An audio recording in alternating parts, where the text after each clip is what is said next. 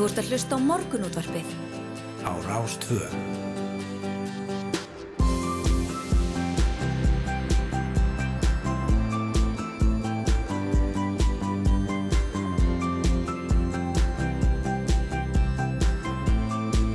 Morgunútvarpið Á Rástvö. Góðan að blessa daginn og velkomin á eh, Fætur, Rúnar Róbertsson og Felix Bergsson með þér í morgunúttarpinu á Rástvö í dag. Það var feskitir klukka nýju velkomin á Fætur. Já, velkomin að fætur öll sömul það er komin 25. júli Já, Hvorki meirinni minna, það líður að e, Vestlunumanna helgi og og ímsum hátíðum sem að haldnar verða e, í ágústmánuði og svo förum við bara svona og komum okkur aftur í haustgýrin er þetta ekki með þetta? þetta er alveg maður var að magna. hugsa þess fram í næstu Já. þrjár vikunar Já, einmitt, maður einhvern veginn finnst þegar eftir Vestlanum helgi þá sé komið haust. Það er ekki alveg svo. Nei, já, en, stundum, stundum sem við náðum í smá sömur til þess að menninganóttinni. Já, já, algjörlega. Mm. Og svo er Siggi Stormi búin að lofa því að ágúst verði þóla, þóla júli. Hann spáði því. ég held að Siggi Stormi verði bara koma sér til útlandi ef það gengur ekki eftir sko. það er bara svo leið Ég held að- hann hafi rétt fyrir sér. Ég bara treysti því Já. ágúst, ágúst getur oft verið besti mánuður en það er, þetta var dásanlega helgi hér í höfuborginni og þarna e, sólríkasta Já, svona virkst eftir háttegið alltaf já, einmitt.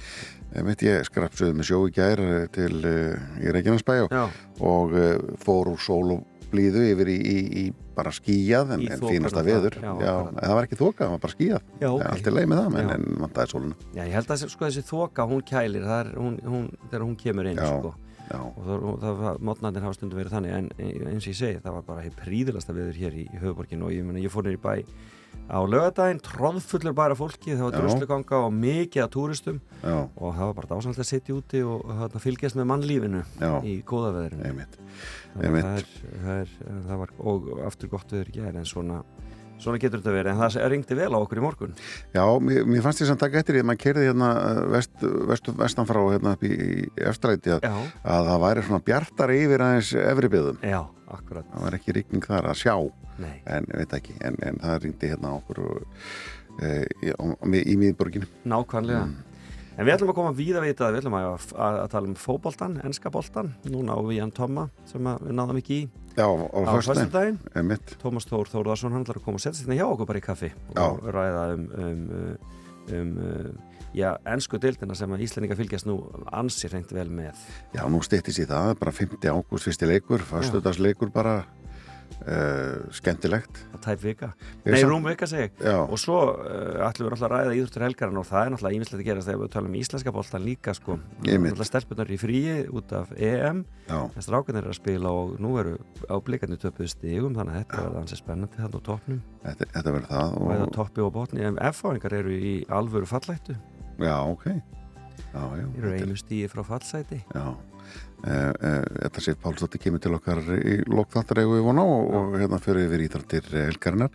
Nú, uh, mikil hækkun og kveiti verður þetta árið á bakaramestara við ætlum að fóröldast þessu það, við ætlum að fá uh, formann landsambands bakaramestara til okkar, hann heitir Sigur Már Guðjónsson og uh, er bakari í Bernhors bakari, hann Já. er allar að kíkja til okkar hérna á eftir og, og við ætlum að spyrja hann út í, út í ástandi þar, að vonum fréttir um helgina að bara við hennar samning sem að var gert að var við rúsa um að leifa útflutning á kortni frá, frá hérna, Odessa að e, þá bara lækkaði heimsmarkasverðið 1, 2 og 3 Já, en svo voru einhverja sprengjur og leiti og menn tölum að þeir hefði ekki staðið við lofurðið og það spurning hvort að, eða þú veist að það hafi breytt einhverju? Hvað hefði breytingu heimsmarkasverðinu, hvort að menna voru fljótur á sér að lækka en, en, en vonandi bara. Því að þetta er engundu góðs þegar að verði ríkur svona upp Nei, þetta er uh, og, og talandi um hungursneið og annars líkt í Afríku jafnvel út, af- út á svona lögu sko. nákvæmlega. Kortin kemst ekki til skila.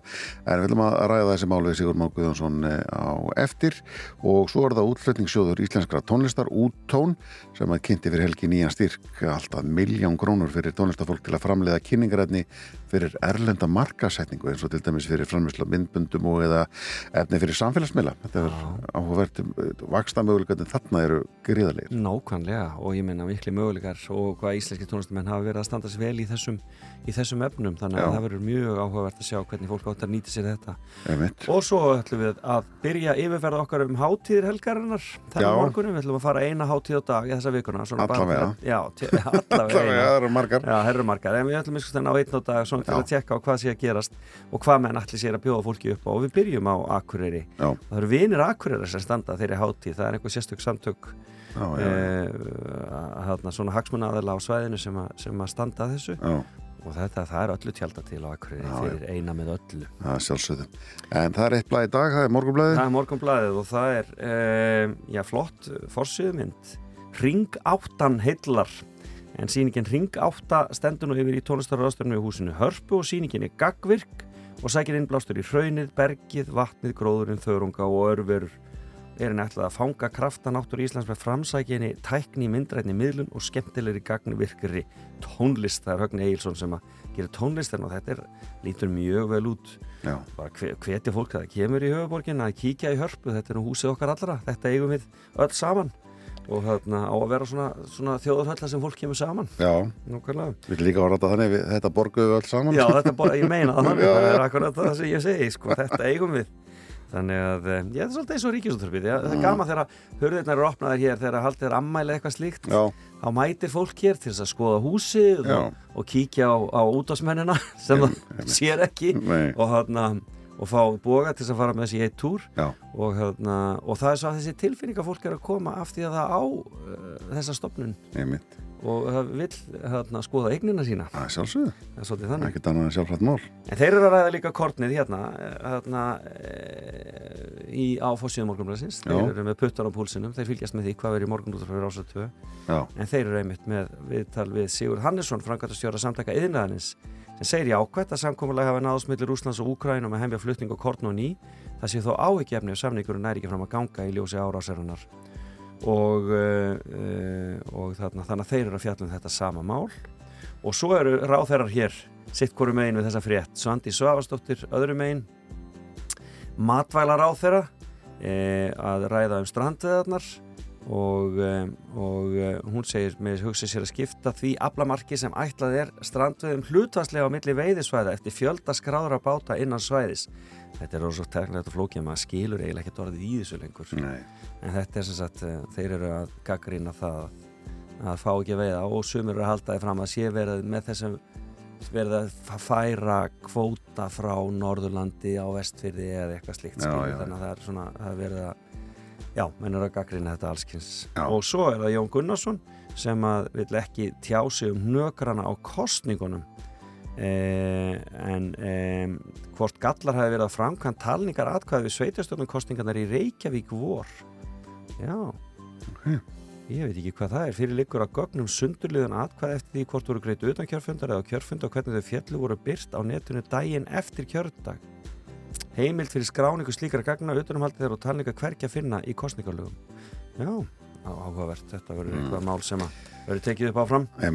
Eldgós er hafið í fjallinu Sakur, Sakurajima á eh, Kyushu eigu í Japan og almannavarnir búin að gefa út 15 stiks viðvörum fyrir alla eigina en uh, það er hæsta viðbúnarstig þar eistra en uh, Sakurajima er á söðuróta Kyushu ekki fjari borginni Kagoshima gósið hóst með látum klukkan 8 á sundarskvöldi að staðatíma stóreflis grjótnöldingar þeittust alltaf 2,5 km frá fjallinu. Og askja reykjamökkur og hraun fylgdu í kjölfarið. Já. íbúum inn okkur um nálaðum þorpum e, íbúar hafa fengið tilmælum að forða sér en ekki verið, gripið til skildurýmingar enn sem komið er. Já, það er lífandi jörðin hann líka Já, já, það vantar ekki. Með það vantar ekki. Nei, og, það, er- og á baksíðu morgunvarsins er verið að tala um harmoníkuháttíð sem verður haldin á Borgi Grímsnesi um vestunum að helgina þar erum við greinilega mikið stuð. Og svo eru þeir með miklar, mynd, miklar myndasýningar frá háttíðum helgarinnar bæði hérlendis og erlendis. Já, Svo skemmtilegt. Já, þannig að það er e, gaman að því. Sistur, Eurovision fararnir hérna fallið mynda þeim það sem hefur tróð upp og Ólasvík á hins egin Vesturlandi Já, já. Ég sé hérna inn á vísi að það segir frá því að forvarnahópurinn Bleiki Fíllin sem hefur verið áberandi til dæmis, já, áberandi í Vestmannajömmum í kringum Vestlunum helgina, ætlar að hætta störfum að minnst að kosti í núverandi vind. Nú? Já, já, og e, í fæslu á Facebook síðu hópsin segir að á þeim tíu árum sem hópurinn hafi starfað hafi landslæði kringum e, kynfyrirsópildi gjör breyst og uh, segir hérna líka við í hóknum við erum þó orðin lúin og teljum að nú séu kaplaskil í starf okkar Já. en uh, frétti framöndan á slæðinu klukkan sjö bara eftir nokkrar sekundur við komum að þetta smá stund Þú ert að hlusta á morgunútvarpið á Rástvö.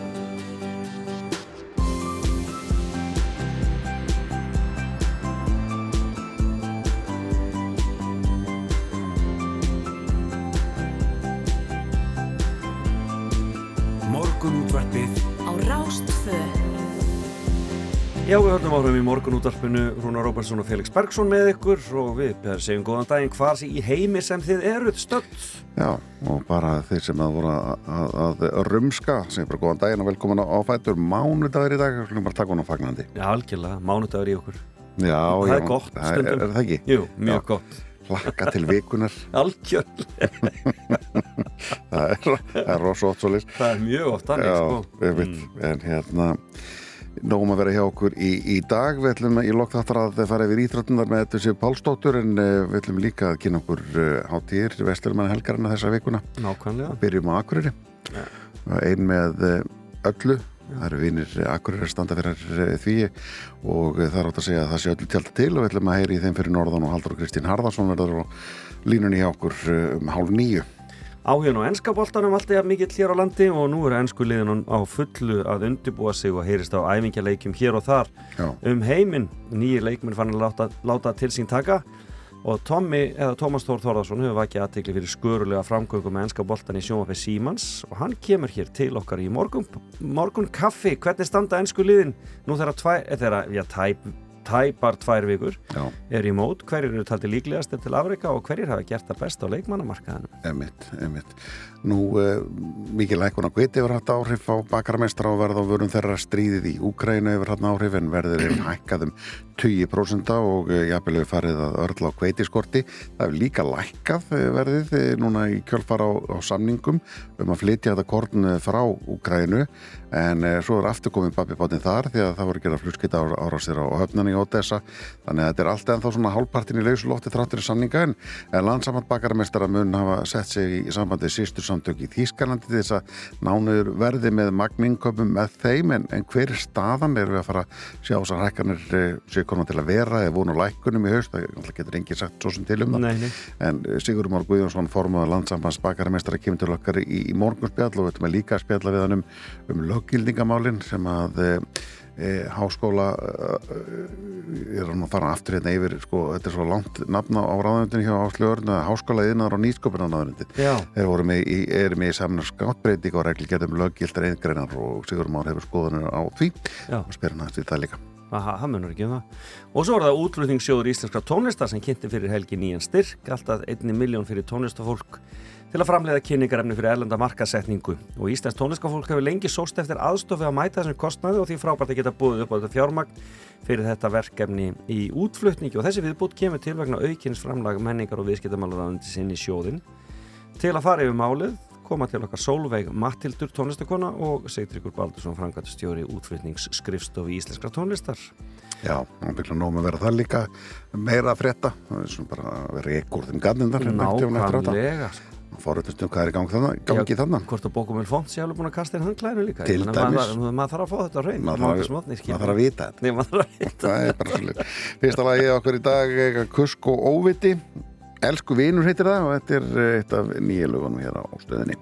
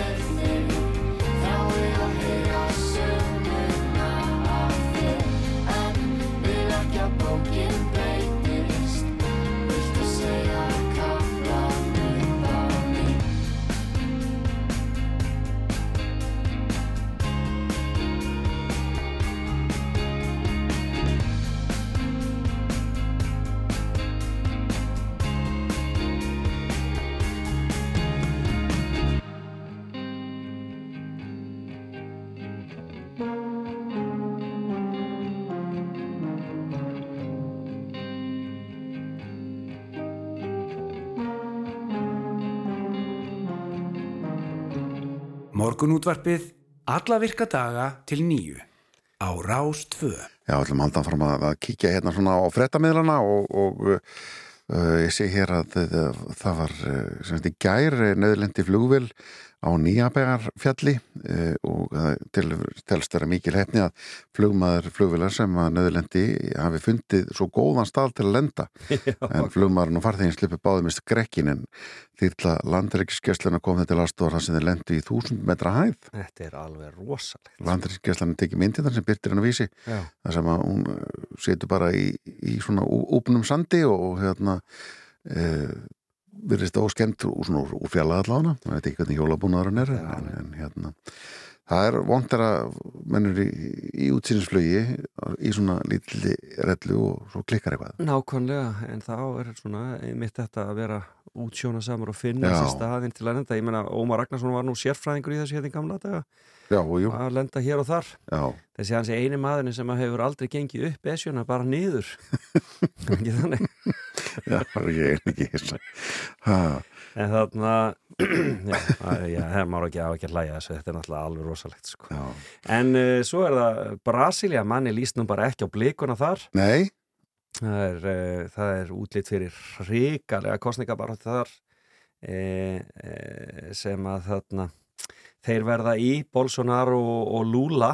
Og þetta er bara uh, hægrið og vinstrið sem mætast þarna og það er svo mikið hatur á milli og svo mikil polarisering að þetta verður eitthvað, þetta verður eitthvað. Og hann, ég er ekki hægt að lesa annað í ræðu Bolsonaro í gær sem að hóf kostningabarátt sína formlega Eh, nema hann sé að hóta hernum. Já. nýta herin hann sagði það að hann er stöðning hersins. Og það er náttúrulega ekki og ég held að einmitt í þessum löndum sé það sko renni fólki kalt vatn milli skins og örund sem þeirra heyrir slíkar, slíkar hótanir því að þetta voru náttúrulega þjóðir sem var stjórnað af, af, af herfóringja stjórnum lengi. Já, þannig að e, það verður, verður mann er bara líst ekkert á þetta en svona er þetta. Það, það, vonandi, vonandi geta menn virt líðræðið og, og haft þetta almennilegt þarna. Já. Ég segir að, að, að, að hann er aðeins og eftir í, í hérna svona um, skoðanakönnunum Já. um, Bolsonaro, fórseti Brasilíu. En uh, hann í ræðið sinni núna um helgina sagðan, laðan áherslu á, á Guð, Bissur og fjölskylduna. Það lofar ekki góð Nei og bara hann ætla að auka, auka byssuegn og hjálpa fólki að gera því auðveldar að eignast byssur. Það hefur gengið svo, það hefur virkað svo rosalega vel í, í nágranna ríkinu fyrir norðan. Mm. Ah, það er eitthvað svo leiðis og svo þegar menn segja, svona eins og hann sagði, sagði stöðnisfólkið, herin er með okkur í liði þetta er her sem líður ekki spillingu og vil gegnsægi Akkurat. Þá einhvern veginn fær maður svona tilfinninguna að sé á dögut en maður veit þeir það. náttúrulega fenguðu Lúla dæmdan sko Já, fyrir þetta sem hún, því málu var síðan kastað út í hæstarétti en hann var búin að sitja í fangilsi í einhver tíma og gati ekki búið sér fram á sínu tíma. Þannig að þeir eru bara, þetta er, þetta er svakalega bara átt að í gangi þarna og örgulega mikið að gerast einmitt líka á baku tjöldin. Já, einmitt. E, Orban, sá ungverski hann er líka að, að, að, að hrista fjæðurinnar og lítur ekki vel út og uh, talar, talar digurbarkalega og hann, þetta menn vilja meina að hann sé að, að uh, vera sá sem brýtur samstöðu uh, líðræðisríkja í anstöðunum við Rúsland núna í, uh, á meðan þessu stendur í Úkrænu já, hann sendi þeirra sinni í heimsók til Moskú í vikunni og, og uh, er sjálfur í voðalega góðu samband við Putin mm, og þarna og um, já, það verður mjög áhugavert að sjá hvernig Európa-samtið bregst við þessum því að svo er hann að tala um það að hann vilji ekki uh, aðra kynþætti í Evrópu lengur. Þannig að tala alveg á þeim nótum bara eins Já, og, eins og nazistennir gerðu í Kanada öss, öss, öss, og, og tala gegn, gegn uh, blöndun kynþátta. Og þegar menn fara að tala um Vá. blöndun kynþátta þá er nú þá er stutt í já, stutt í, í, í eina átt. Það er rosalegt. Já. en þetta er senast Orban hérna í Ungverjalandi sem talar svona og þeir eru með stóra greinum hérna í Guardian núna. Já, Við ætlum að uh, heyra hérna í, er önnu næst Já. uh, í tónlistinni en kíkjum síðan á, á veður eftir smástund.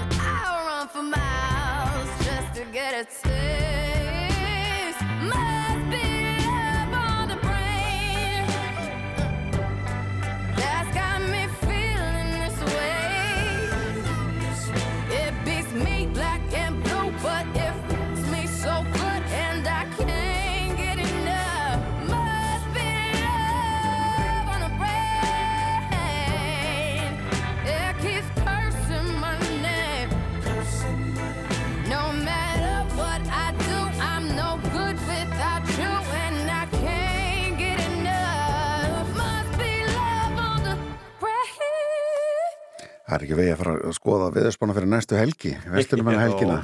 Er það? Já, við eitthvað að vera að velta okkur það gæti breyst. Það gæti breyst, Þetta er smá tími í þetta en þá. Veðurhorfurnar eru semst á föstudag austlag eða breytileg átt og víða rigninga súld hiti 8-14 stig og það er nú bara þannig samkvæmt sko kortinu eins og þeir sína kortið Já, það er bara rigning út um alland ok. Á laugardag, stíf norðvestan og vestanátt með rigningu en stýttur upp sunnalands kólnandi veður Já, Já. Á sunnudag, suðvestanátt með lítilsáttaskúrum en léttir til norðaustan og austanlands einmitt.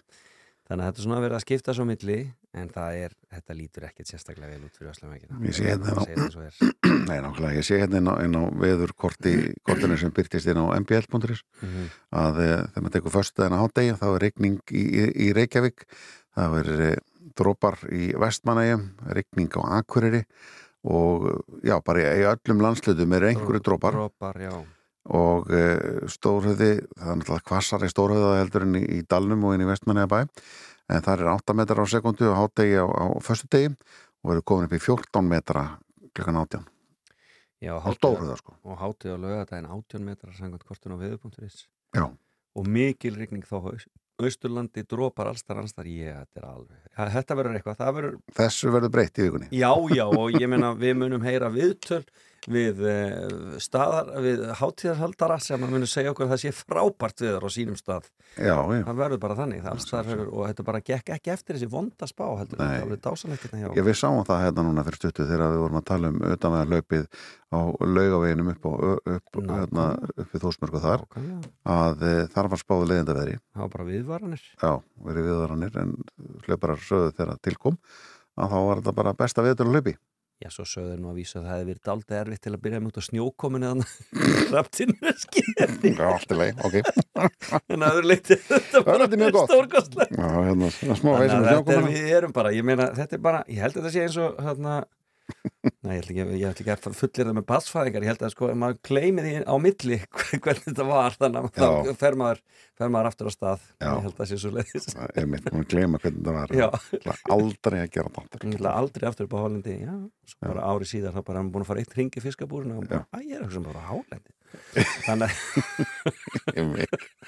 Það er smá guttfiska minn í gangi Já, ég meina, ég held að það sé ekki hægt að búa hérna Rúnar Róbensson og lifa á Íslandi Nei. öðruvís en maður gleymi veðrinu svona, já, milli ára Já, nákvæmlega. En, Hérna, þetta er, eh, allir var ræðið ennska boltan en uh, við erum að spila flotta tónlist fyrir Já. þig þangur til. Ég er ekki bónmenni á, á næsta leikin og lagið Human.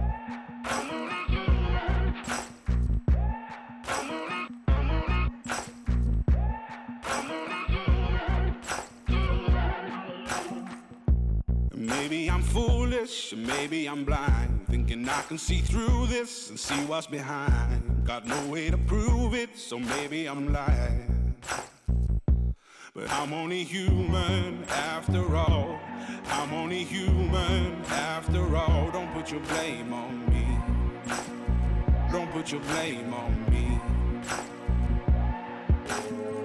Take a look in the mirror. What do you see? See it clearer or are you deceived in what you believe? Cause I'm only human after all. And you're only human after all. Don't put the blame on me.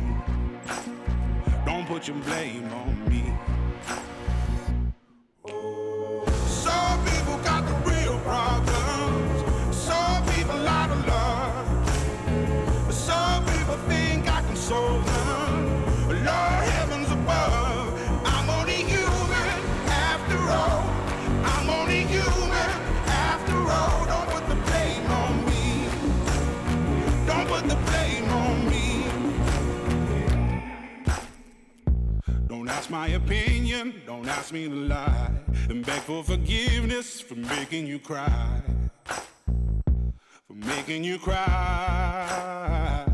Cause I'm only human after all.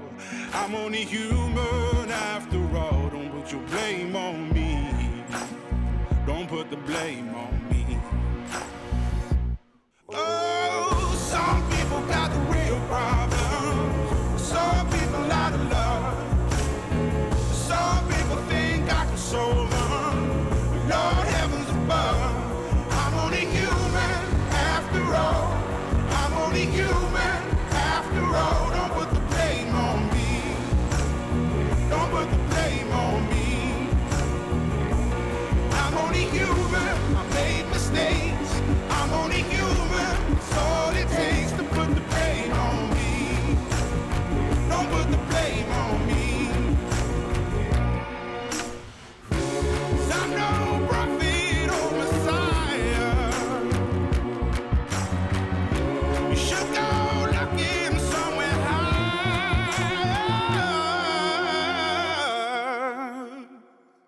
I'm only human after all. I'm only human after all. Don't put the blame on me. Don't put the blame on me. I'm only human. I do what I can. I'm just a man. I do what I can. Don't put the blame on me. Don't put your blame on me. Morgunútvarpið á Rástfö. Alla virka daga frá 6.50 til 9. Hello, it's me. I was wondering if after all these years you'd like to meet to go over everything. They say the time's supposed to heal ya, but I ain't done much healing. Hello, can you hear me? I'm in California dreaming about who we used to be when we were younger and free.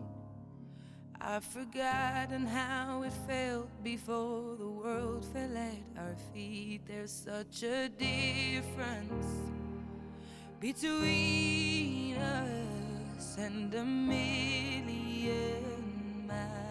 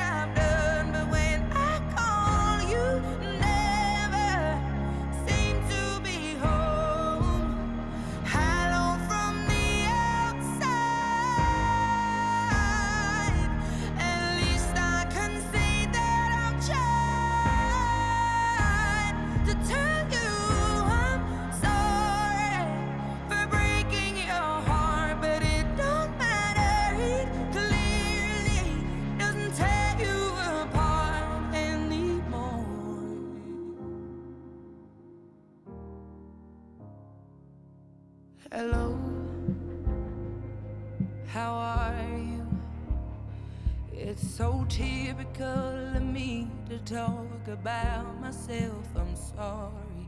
I hope that you will. Did you ever make it out of that town where nothing ever happened? It's no secret that the both of us are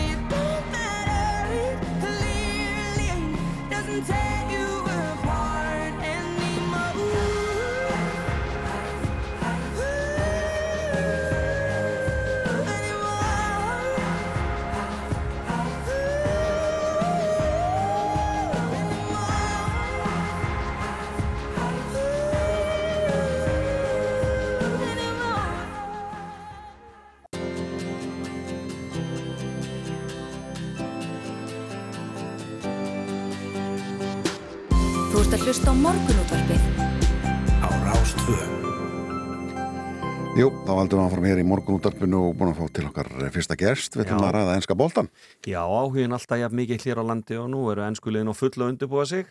Æfingarleikir hér og þar um heiminn og nýjir leikmenn fannar að láta til sín taka og um, þeir eru tilbúinir í starthólunum í sjónvarpi Símans og, uh, og Tómas Þór Þórðarsson. Hann er komin hér til okkar aftur velkomin. Já, takk fyrir það, takk fyrir. E, hvernig standa ennskuliðin núna? Þeirra, hvað, þetta eru tæpar tvær vikur í mót. E, Arsenal að bursta Chelsea í æfingarleik, Tuchel ekki mjög ánaður. Nei, ég held að síðan bara flestir svona orðnir eh, ansi spenntir fyrir sínum liðum, sko. Veist, Arsenalmenn hafa ekki verið spenntari heldur síðan bara, sko, svona 2005, sko, þegar Akkúrat. þeir að koma af hérna, Invincibles árunu, sko, þeir eru alveg vissir um að þeir sé að fara ég bara gera stóra hluti ár með eftir að hérna, hafa gert bara ágætis hluti á, á leikmannamarkjánum og auðvitað skoraði Gabriel Jesus í, í fyrsta leik sem gerði það ekkert minna spenta Tottenham náttúrulega held, viðst, þeir eru náttúrulega búin að bæta svakalega við sig. Já. sko Chelsea kannski, eða svona Chelsea United menn sem eru kannski, já samt United búið að vinna náttúrulega alla leikina sína á já, þar til að þeir hérna, misti nú þetta Sigurinn er í játtifli gegn Aston Villa reynda nú í sko stormi hérna í Melbourne á, á dögunum og Darvin Núnes sett í fernu þannig að Liverpool menn bara, þú veist, bara óð á súðum að gleði sko. Já, og, og, og Holland skoraði eftir 12 minútur í fyrsta leik sko. Þannig að það ætla allir að vinna þetta það ætla allir í meistaradeldina en það bara virkar ekki alveg þannig Nei, er það alltaf það sem að gera þetta svo skemmtilegt sko.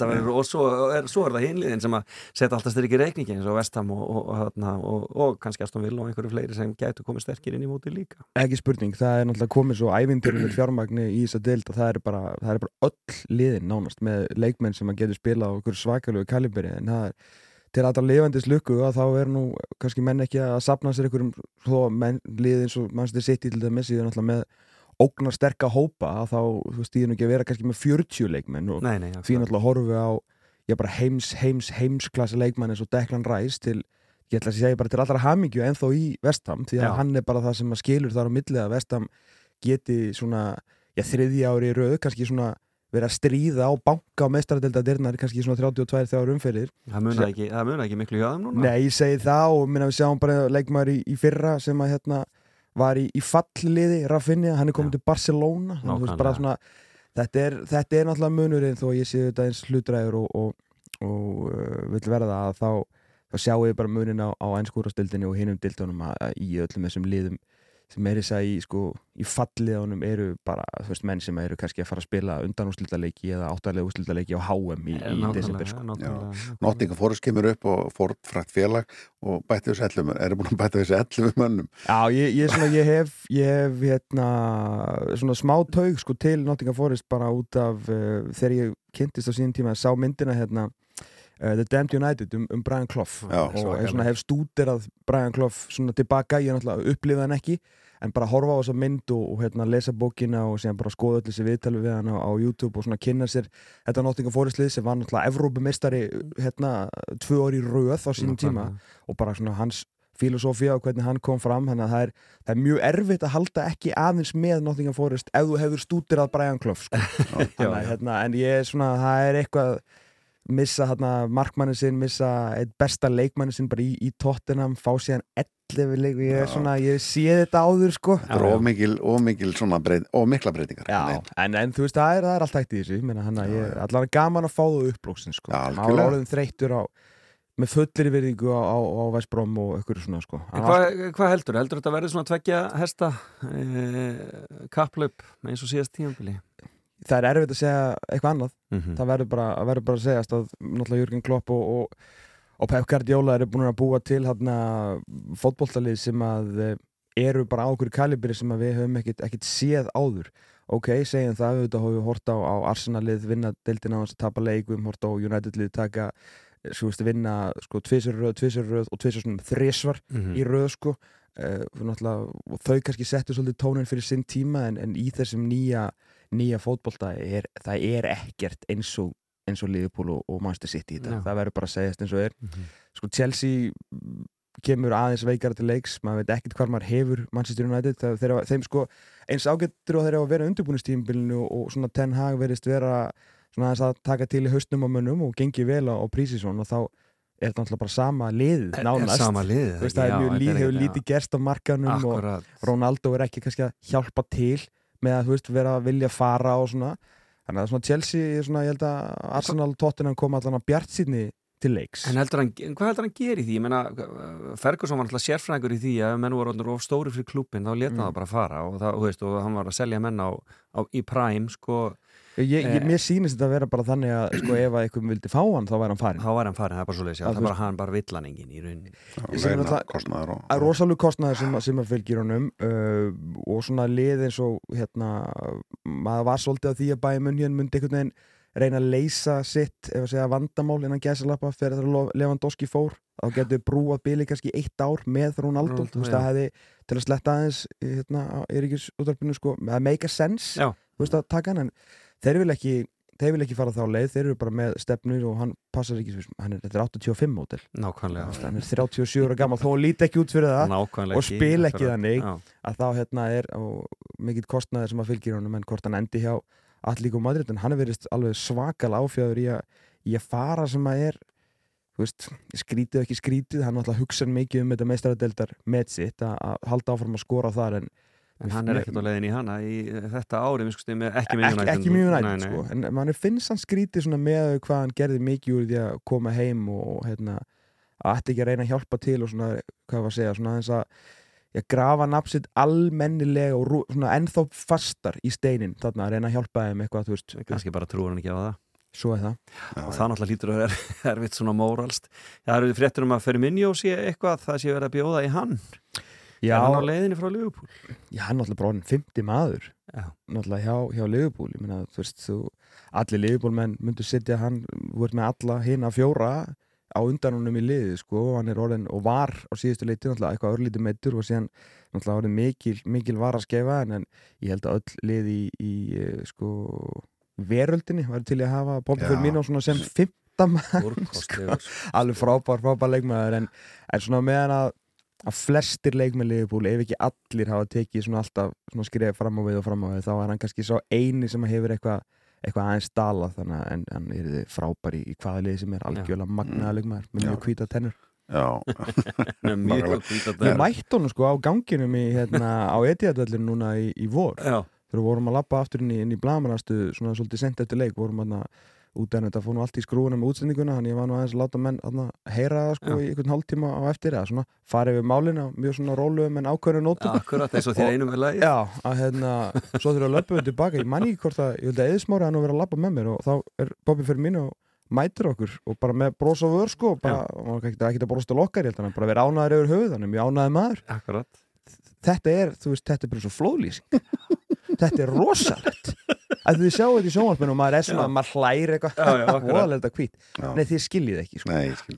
Þetta er eins og bara flóðlýsing Þetta er bara svo Rossi Friends fyrir þá sem þekkja Friends þannig að hann fór í tankvitturina Heyrðu, ætlið að vera í, ætlið að vera í Englandi uh, þegar þetta byrjar, 5. ágúst. Já, það er allan að, það er allan að stefna. Við erum búin að hérna, bóka allt og ég er svona hérna, sérst á, á, á vellinum.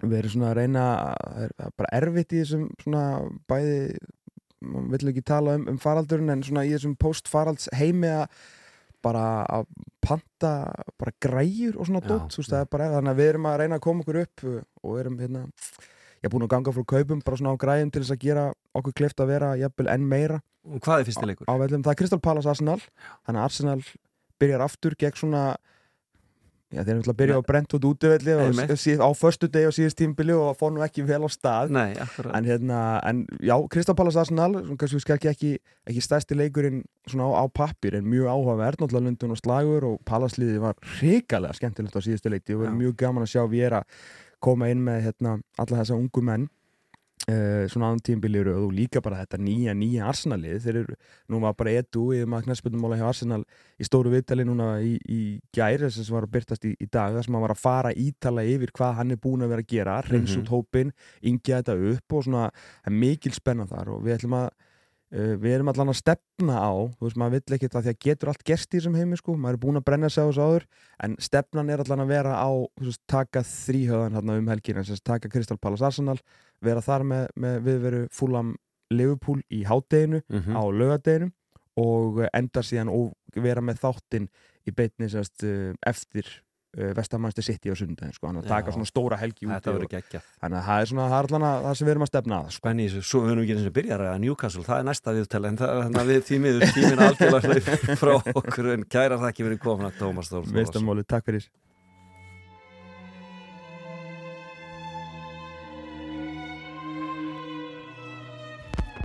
so enchanting in every way. It's everlasting every day. Sweet obsession, rose bouquets. Oh, it's heaven, or so they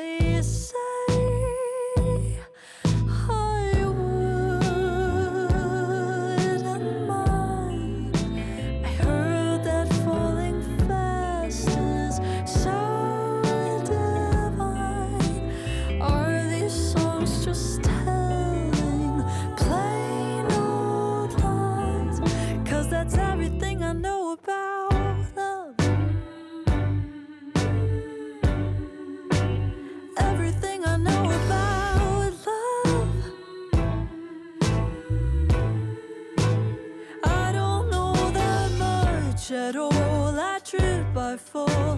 Every time I try, it's all too much. That's everything I know about love.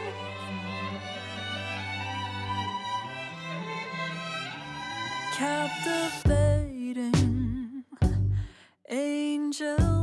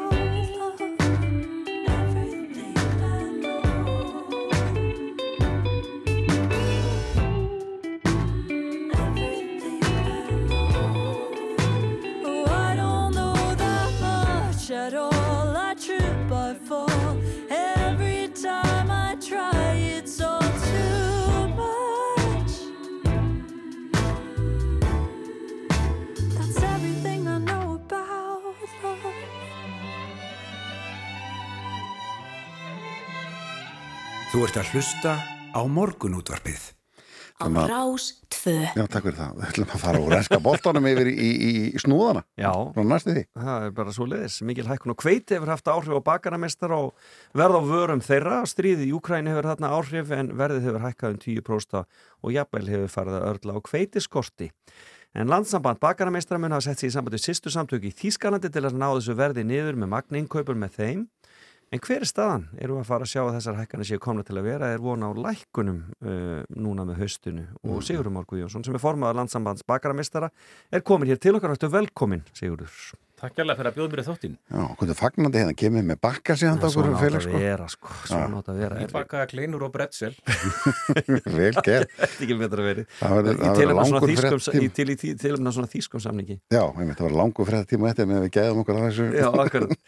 Eh, En þú ert komin inn það, við að, við ætlum að ræða þessi, þessi kveitimál og, og bara þessar hækkanir. Hefur verðið hækkað? Já, það er að koma sendingar cirka tveggja vikna fresti til landsins og það hefur hækkað í hverri sendingu síðan að innrásin hófst. Já, En þetta byrjaði að ná einhverju floti í, í byrjun júni. Já. Það hefur ekki hækkað síðan. Já. og svo voru mikla vonur þetta að vera að byrja að lækka og það var við skerfið samningur þarna á föstu daginn Mhm. en hann var ekki líðin sólarhingur frá því að rússar vörpuðu sem bombum á Já. og hafnar svæðið Já. og þá, og þá í rauninni fer alltaf, alltaf titra aftur í rauninni, eða ekki Já, þannig að þið þurfa að fylgjast vel með stríðsátökum út í heimi núna þessa dagana og svo er annað sem spilaði enni, það eru miklu hittar í Evrópa eins og við höfum fengið Já. fréttir af og það getur haft mjög slæm áhrif á uppskýru Einmitt. en fyrsta uppskýra var að koma í Þískalandi núna í vikunni og þessu hún verið fyrðu góð Já. Já, já, það er gott að heyra En, en, en hérna, svo erum við að berast í verðbólgu hér heima og annað slíkt og þetta hefur alltaf áhrif að það er að hækka verðið á, á vörunum hjá ykkur bö- bö- bökurum út af, út af eh, hækkun á kveiti, vantilega vonum við þess að þetta muni lækka en hefur, hefur hafa vörur hækka mikið hjá okkur? nokkur prósent Já, og okkur þykir öllum ákvæmlega leðilt að hekka en við erum náttúrulega svo síðasti sem stendur einmitt, Já. Það er oft margir milliliður á milli og þá milliliður þau vilja skera niður. já. Er þið með, hvernig er kveiti innflytningi hagað? Er þetta, þið, er þetta, er að samtökum um það? Er það landstofíkinn sem standa Það er til innkaupa samband bakar en þeir eru nú minnst í kveiti Já, en uh, það er bara lítið hlutabökurum í því. Já. Ég hef verið að tala fyrir innleiðingu þessu þýska konsepti BECO. sem er hvað? Það er uh, bakar og, uh, innkaupafélag bakar á konditúri í Þýskalandi Já. og það er með 13.500 félagsmenn. Og það er það sem þeir eru að reyna að semja við núna? reyna Ég er búin að semja við þá, sko. Það þarf bara skrifundi pappýra og, og fá alla hér á Íslandi með sér í lið að stopna þá uh, samfunnufélag. Ég, það er bara svo Og lögum samkvæmt á Íslandi þarf 15 fyrirtæki til að stopna samfunnufélag. Þannig, það er það sem það er sem sagt, í, í, í, í pípunum í rauninni. Og þeir eru með allt frá aðtölu, þeir eru líka með vélar, þeir eru með allt bara. Já, þannig að það er, þannig að það er, og, uh, þarna, en, en, það- og hvernig gæti það gengið í gegn ef að það er því? Ykkur múin að voru mánuðum. Já, það er svo liðis. Um, en uh, þið hefur líka verið að tala um þessi hérna, löggildingamál og þú hefur verið að skrifa greinar um þau mál. Uh, þú ert ekki ánaði með það sem ráþara er með í pípunum í þeim efnum? Það hefur engin stjórnmálamaður í sittni tíð skrifað meira um nöðsinn þess að efla innám og áslögu arna innan nýskupunar ráð þeirra. En svo kemur við tillögu sem ganga þvert á það sem nú er sagt. Hvernig þá? Útskýrðu? Það er, ráð þeirra talar um einhvers konar ríkistimpil og yðngreinu og fleira. Hún er átt að segja því að það er mikil færni á baku hverja grein og hver einasta yðngrein er sérhæfingu ákveðinu sviði. Við höfum til dæmis í bakaræðinni í rauninni tvær greinar. Það er annars vegar bakari, sem er mest í brauðum og bakkelsi og svo konditor eða kökugerðamaði sem er mest í, í, í konfekti og, og, og fýtna sætmiti. Mm. Það er þetta samin þessar greinar, það mun bara draga úr sérhæfingu. Já, og það er rauninni það sem hún er að tala um. Hún er í rauninni að tala um meiri saminningar að, að, að fækka þessum löggildingum í rauninni, fækka, Já. fækka greinunum. og heldur því fram að við um heimsmyndi lögvendun, ungverjar eiga nú Evrópumetið, það eru 404 greinar, tjekkar 376, pólverjar 374 og 172 á Íslandi. Já, hún fækkaði um 17. Hún ætlar að samin og fækka um Já, 17. já. Ég get alveg fyllilega verið sammála að það er ekki til eins að lögvenda greina sem enginn starfar í Nei. eða er ekki kendar yfir höfuð. En uh, orðum frekari, þetta verður engungu upphafið að frekari aðgerðum, það er það sem setur uggað fólki. Já. Já. Eh, hafið þið, eða eru þið búin að setja inn umsagnir við þetta? Nú er þetta í samræðskátt stjórnvalda til, já, út ágúst? Ja, það, er verið að vinna á umsögnum. Það sem ég finnst sérkennlega í þessu að þjóðverjar eh, voru beittir þrýstingi 2004, ríkistjórn Gerhalds Rötter, rauðgaræna ríkistjórnin, Já. að fella út lögvendun í Þýskalandi. Og þeir feldu yfir helmingi yngreina út og fóru nýri 41 og 96. Mm. Þeir voru að bæta við 1. februar 2020 12 greinum aftur. Og uh, það eru að stórum hluta til greina sem að áslögu Arnar er að leggja til að vera felda niður á Íslandi. og ástæðin fyrir því að gera, taka upp afturlögvendun að, að fúsk var orðið alls ráðandi. já, Svo sem situr náttúrulega, er fórnalembið í fúskjun er neytandi. Mm. Það situr í súpun á lokum. Og, og þetta ávið um yðgreinar bara almennt. Já, ákvar ætti til dæmis ykkur að leggja fyrir sér fjagar ára námi í yðngrein og svo tvö orti viðbóta til að vera yðnmestar í greininni og hafa þar að leiðandi lefi til að taka nema og reyka sjálfstæða atvinnustara sinni. Ef ykkur annar notar sama starfseiti og starfa við hliðina á honum án mentunar. mm. Hver er hvatin? Já, já, en eh, þe- þessi, þetta sem er að falla út núna segir hérna til dæmis að við undirbúninga þessu relgerð var litið til því sko námskrár væri til eh, fyrir viðkomandi grein og hvaða greinu fáir eða engirðu lokið sveinsprófi síðastleina tvo áratugi og lagt mat á hvort raukstíðum eftir lögvöndu viðkomandi yðgreina með vísan til almanna hagsmuna. Og annars líkt, er, er þetta ekki bara ágætið svona tiltekt í þessu? Þannig að þetta sé kannski beinskittara að, að, að, læra einhverja að þá, þá farið lögverningu í henni en, en svo er fullt af svona einhverju sem að er ekkert notað Eh, eins og ég sagði greinar sem ekki eru kendar það er, það er algjör fásinn að lögvenda þær Já, já. En það er kannski hótanir um frekari aðgerði sem að Já. setur uggað munnum sko. Já, ég skil. En það, það náttúrulega er, yðnámið er náttúrulega daldið, það er náttúrulega mikið rætt um yðnámið og, það, og að, að ríkisvaldi sé ekki að gera nóg til að hjálpa fólki að komast í yðnám og, þarna, og við séum bara ekki með nóg marga yðnaðamenn, reynlega, og þeim fari fækkandi. Er þetta, eh, er, er, er, er, er þetta skref til þess að, að, að, að reyna að breyta því eða hvað? Það er eitthvað vittlust gefið. Þessi sama ríkistjórn, hún monta þess að því að setja 30 miljardar ári í nýsköpun. Mhm.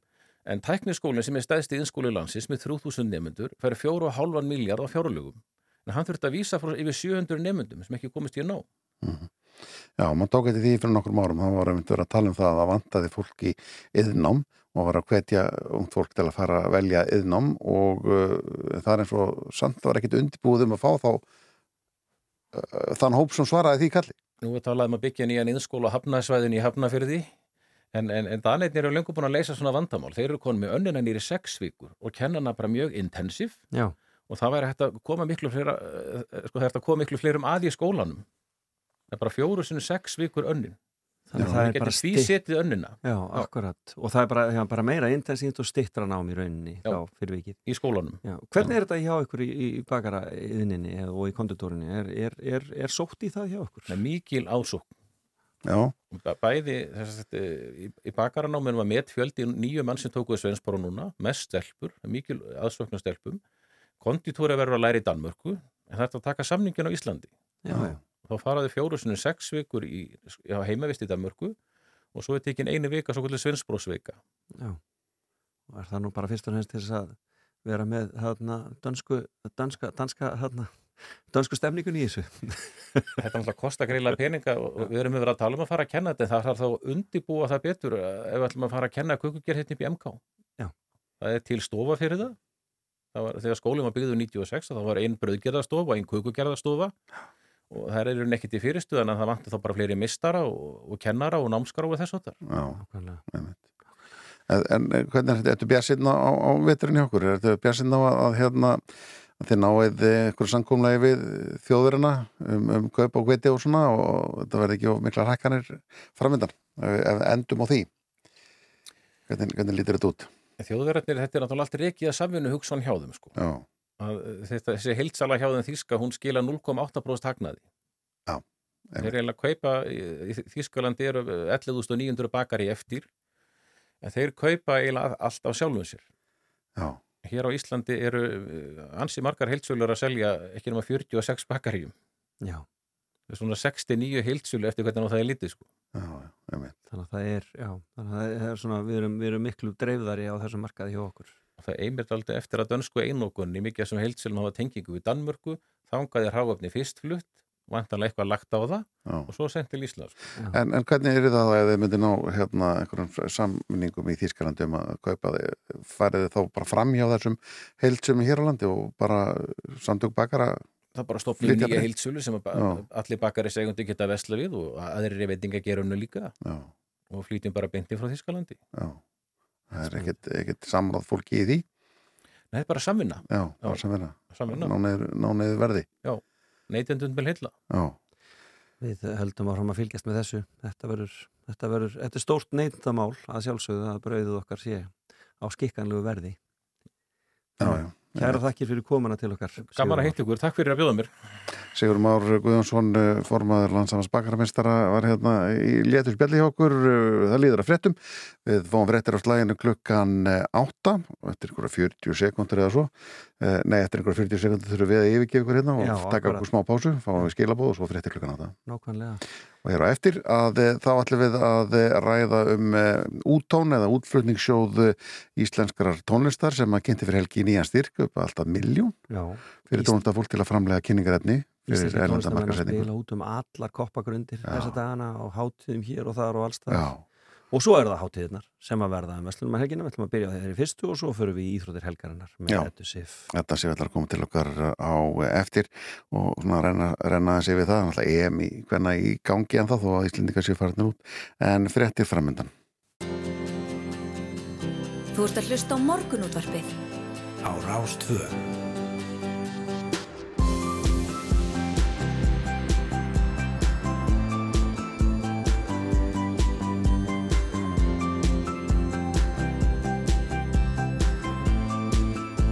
Morgunútvarpið á Rástfö. Held ég, eh, Rúnar Robertson og eh, Filips Bergson uh, hér á vaktinni í, í, í morgun útarpinu og verðum að til klukka nýju. Já, og við erum að fara að ræða um útflutning íslenskar tónlistar hér eftir smá stund. Já, einmitt og uh, bara og möguleika fyrir íslensk tónlistafólk til að uh, afla sér tegna ellendis með uh, þjónustu við, ja, við framlýsla myndböndum eða efni fyrir samfélagsmiðla annað líkt og ellenda markasetningu og, þessa pælingar og vera úttón, útlöfningssjóður íslenska tónlistar er að kynna nýjan styrk sem uh, þau voru að setja á laginnar. Meirum það hér á eftir en fyrst er það náttúrulega íslenskt. Já, já, sem svoleiðis. til Kína. Já, Ætlir hafi spilað þetta eh, strax í Kína. strax að ég spila poplæði getur veit ekki veit ekki allir með, syngið með Klappið nú með, kynverðinir ykkar.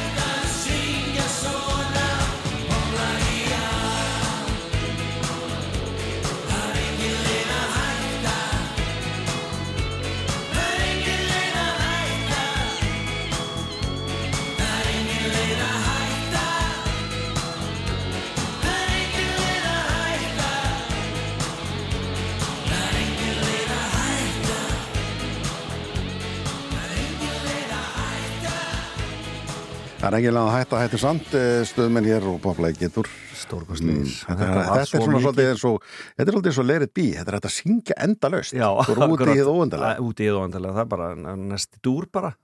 Bara næsti dúr og, En það er svo leis En útlutningssjóður íslenskar tónlistar kynnti fyrir helgi nýjan styrk að alltaf miljón krónum fyrir tónlistafólk til að framleiða kynningarefni fyrir erlenda markasetningu eins og til dæmis fyrir framleiðsla myndböndum og eða efni fyrir samfélagsmiðla. Og íslensk tónlistafólk hefur lengi sóst eftir aðstofi að mæta þessum kostnaði og því frábært að geta búið upp á þessa þennan styrk. Þessi viðbútt kemur til vegna aukins framlag menningar og viðskipta málar og þau eru mætt hérna, Solveig Mattildur tónlistarkona og Sigtryggur Baldursson sem er frangatastjóri út tónveriði velkomin bæðið tvö.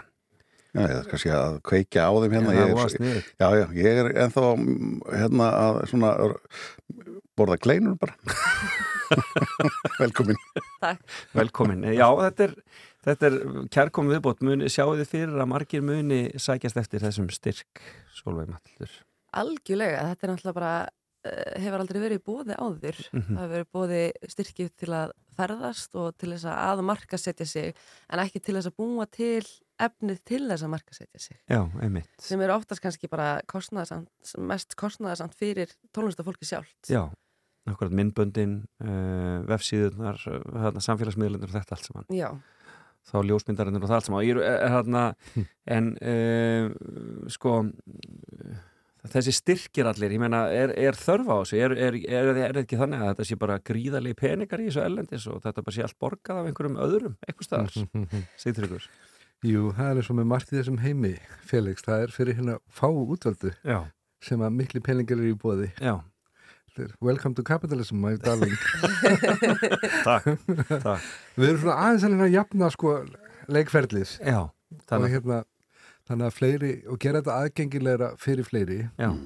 Og það sem er verið að gera líka, þar verðum við líka að setja inn á netið svona upplýsingar um hvernig þú býrð til markasáhaldin. Er svo mikið að tónlistafólki er ekkert vant að búa til eitthvað markasplan, markasplan, hvað er það? Nei. Það get ekki allir verið góður í öllu og hérna mikið að tónlistafólki er, er mitt, er ekkert mikið að spá í þetta svona, helst eða kemst hjá því. Já, akkurat. En þetta er, verið, þetta er reynda mikið að breytast, sko. mikið af ungum hljómsveitum í dag eins og kælan mikla hennar solvegar er ágætti stæmi um. Einmitt. Eru svona með, er að skoða þetta miklu heldræðna, sko. Já. Og er að, er að spá í markasetningu á sinni músík og hvernig hún er gerð. Því að það hefur gífulega áhrif á hvernig fólk upplifur hana og hvernig, hvernig þú býr til nafn. Það er náttúrulega, er, er gríðalega breytingar í þessum heimi með því að útgáðunar eru einhvern veginn svolítið farnar út mm Mhm. tónlistamenn farnar að gefa út mikið bara sjálf Ég meina, ge- ge- gefið þið út til námi sjálf kælan mikla Nei, við erum með, við erum útgáðafyrirtæki og, og við vinnum alls konar töff fólki út í, í heimi Já. en þau eru ekkert að borga fyrir okkur tónlistavídeó eða, eða hérna, eh, ljósmyndir eða þá okkar vinnu að vera að markasetja okkur daglega þú veist, í okkar ferli að búa til manneskjuna sem er uh, röddina sem er að tala á samfélagsmiðlun til dæmis Mhm. hjá kælinu miklu Mhm. og það er alveg svona vinnan sem okkur finnst tíma frekust sem er svolítið leðilegt að því við vorum bara til að að vera bara einbætt ykkur að búið ekki Já, tónlist. akkurat en, en, en var það ekki þannig að útgáð fyrirtækin sá um þetta hér í gamla þetta? Jú, jú. Og gera enn að mörguleiti. En það er náttúrulega núna sko, það er ofta sem að fyrirtæki kannski bjóðast til þess að greiða upp, eða greiða fyrirfram, en það er alltaf endur greitt tilbaka sko. Já. Þannig að það þetta er svona svo að taka lán. Þannig að þetta fer inn í kostnaðin í rauninni við, við verkefnið og er þá tekið í rauninni af ykkar, ykkar hagnaða hluta þegar, þegar öll eru á botni kvöld. Mhm. En þessi styrkur upp á alltaf miljón, eh, eru margir styrkir í búið, geta margir sótt um? Eða hvað, hvernig? Já, það var sko, það kom 40 miljóna einspýting frá uh, viðskipta og menningamálraðundinu núna í, í byrjun árs. Þá var farið það að reyna búa til eitthvað, eitthvað struktúr í kringu það. Hvar, hvar koma þessi, hvar nýtast þessi peningar? Mhm. og hvað er tónlistabransin að byrja um?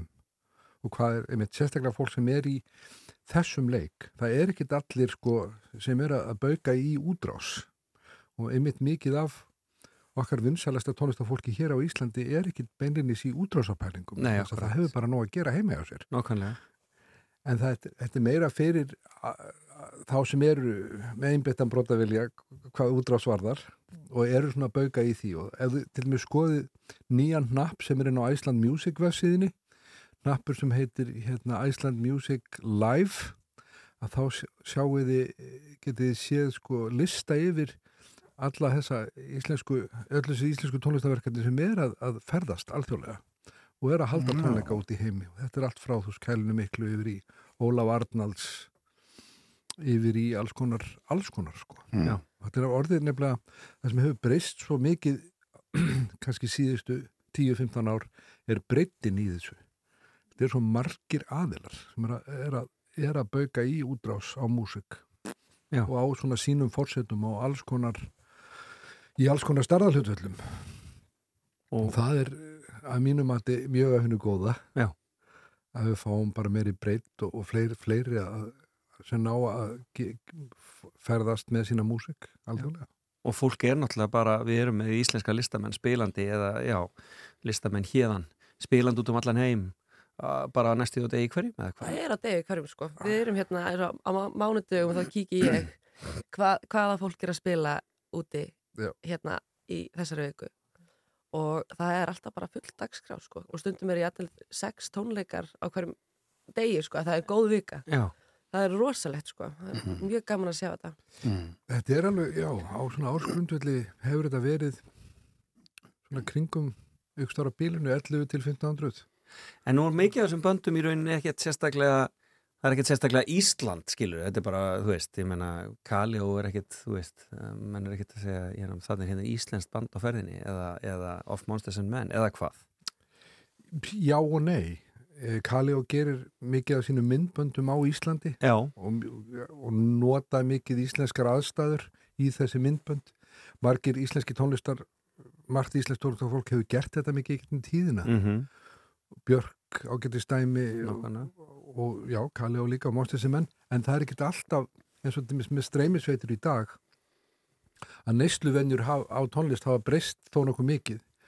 Og mikið af músík til dæmis þegar fólk er að hlusta á, á, á einhverja playlista það er ekkert að stoppa hvert lag og tjekka hverju þetta er og hvað þeir eru. Nei, nákvæmlega og ég meina þetta meira segja þannig. bara ég meina ég teki eftir þessu á Netflix að þeir bjóða manni upp á eitthvað að horfa og ég fatt að ekki finn ég komin í þriðju búin að klikka þrísvar að þetta er ungverskur þáttur eða þetta eru, þú veist, pólski þætti þannig að er þetta ekki svolítið svona líki í tónlistin að þú menn er ekkert mikið að velta fyrir sér e, þjóðerninu þannig að Nei, ekkert alltaf. Nei. Ég ætla að fara svolítið eftir í hvar, hvar fólk uppgötar tónlistina, sko, hvort það sé Spotify á playlista þá er það bara, kemur það bara svona Einmitt. allt í einu upp og þú ert kannski ekkert að pæla í því.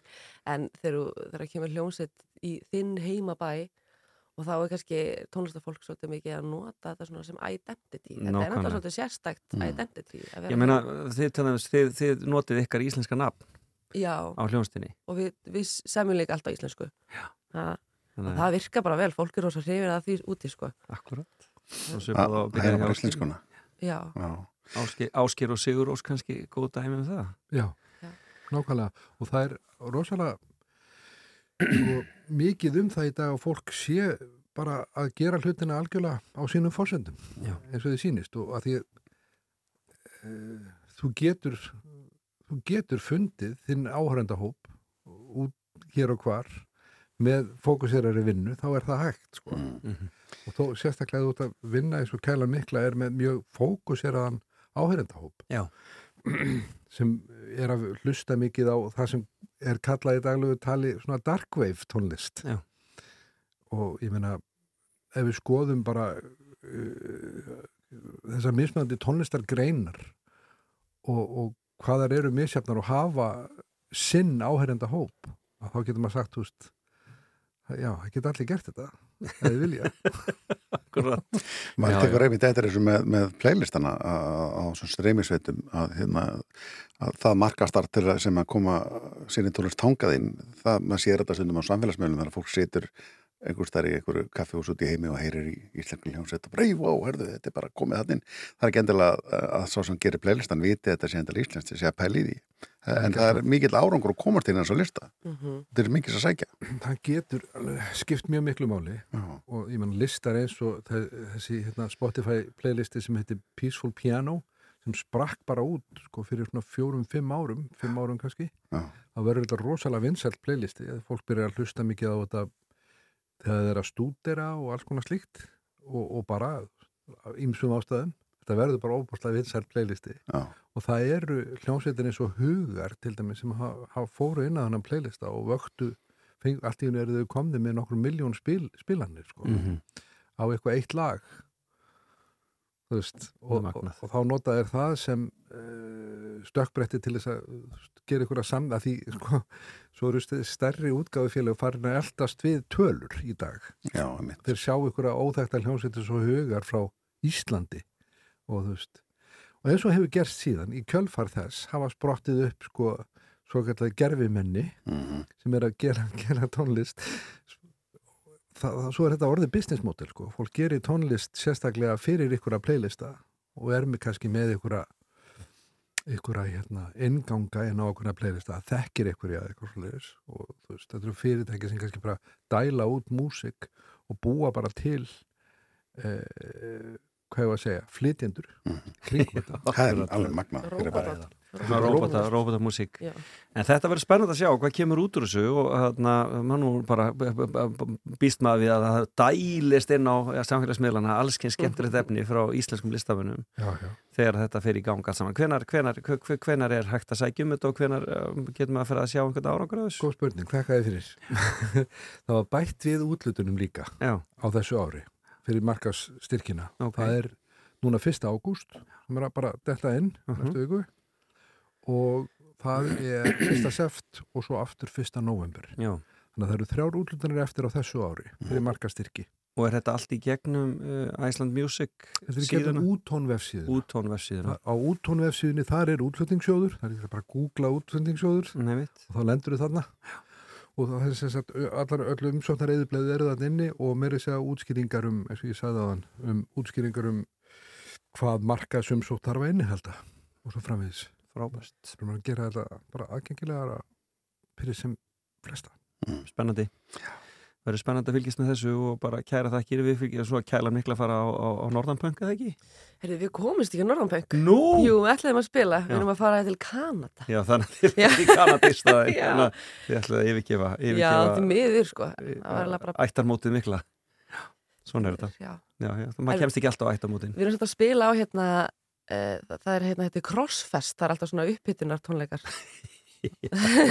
það er núna í vikunni, já, Crossfest. Það er Og hvar verður það aldrei? Það verður gauknum. Er það verður skemmtilegt Já, það verður ekki ekki. Félags var nú með spurningu hérna í morgun og, og pælingar um hvort að bókumil font væri á lífi Settur Já, hann er eiginlega orðin eins og svona vampýra það er mikið mikið blóð til þess að kveika á, Já, á honum. já. Já, Hann er svona svo lúsmi. Það er svo lúsmi. Já, pyrr ángrandi Já, akkurat. Nei, hann er, maður ekki það, hann er nú ekki mikið að pyrra fólk Ekki þessa dagana. Ekki þess að það En, já, Hann er einhverju meiri í dvala. Já, já, já. Það er gerist að það. mikil, að mikil kalla eftir við að fræðinga ljúa þessa dagana. Er það ekki? Jú. Já, já. Takk fyrir, takk fyrir komuna, uh, kæru vinnir og gangi ykkur vel með þetta allt saman. Takk, takk fyrir okkur